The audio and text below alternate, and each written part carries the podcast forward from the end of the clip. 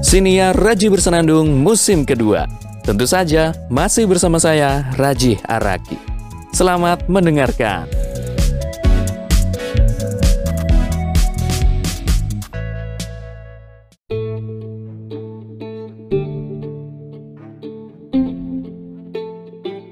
Sejujurnya, jujur nih, saat ini saya sering banget kehilangan semangat.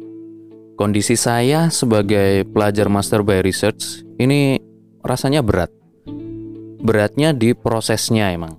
Harus belajar sendiri, baca buku sendiri, diskusi sama beberapa orang aja.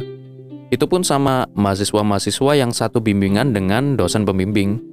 Dosen pembimbing saya dan kalau mereka masih di sini, kalau mereka masih di sini ya, kebanyakan sih udah pada selesai studinya dan pulang.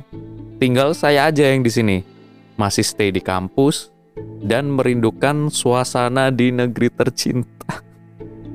Indonesia. Jujur kangen banget sama sate Madura. Aduh, biasanya kalau udah hilang semangat, rasanya kepala tuh pusing, mata kayak capek, badan pegel, dan akhirnya memutuskan untuk rebahan aja di kasur. Tapi kalau udah rebahan, saya tuh bukannya merem, malah buka HP dan scroll-scroll Instagram. Aduh, jadinya gak merem-merem. Tapi beberapa kali saya pernah scroll-scroll Instagram biar capek kan. Ternyata beneran capek dan ketiduran. Ya itu beberapa kali aja sih. Karena seringnya sih bukannya tidur ya, malah melek sampai berjam-jam. Hasilnya waktu terbuang untuk scroll HP. Ada sih teman yang waktu itu bilang kalau HP itu racun. Makanya selama jam belajar, dia memilih untuk mematikan HP. Tujuannya tentu biar nggak scroll-scroll HP. Karena nyekrol HP itu menyenangkan.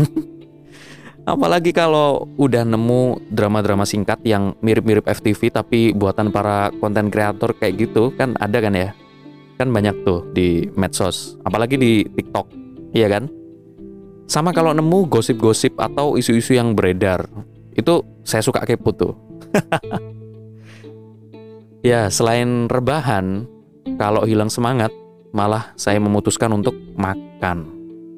Apalagi stok mie instan banyak nih ya pantas lah kalau badan makin ngembang.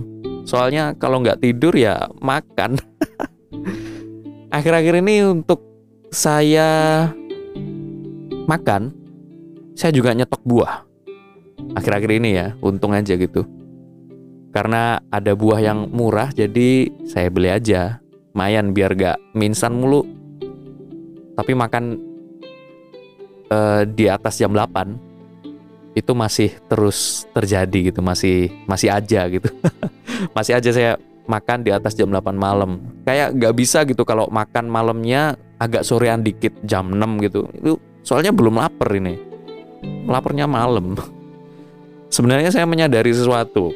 Untuk ngilangin rasa stres dan hilang semangat saya lakukan dengan banyak cara dan macam-macam sebenarnya ya. Cuma seringnya ya rebahan sama makan itu tadi.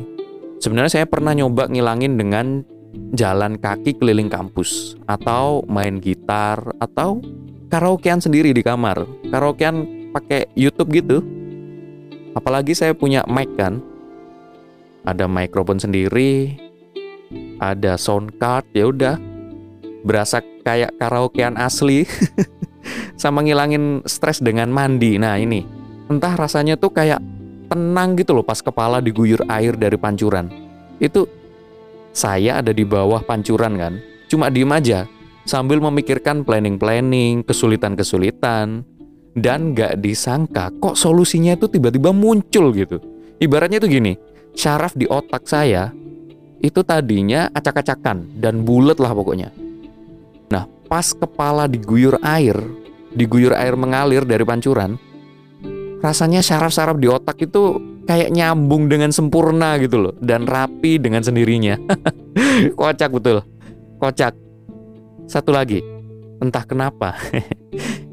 Agak malu sih ngomongnya ini. Jadi gini.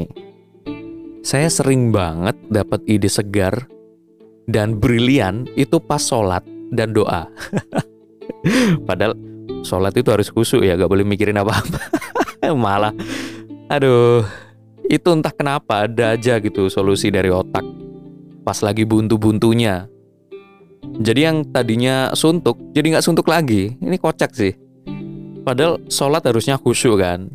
Tapi selalu aja tiba-tiba terlintas begitu aja gitu loh. Itu. Begitulah cara saya mengembalikan semangat.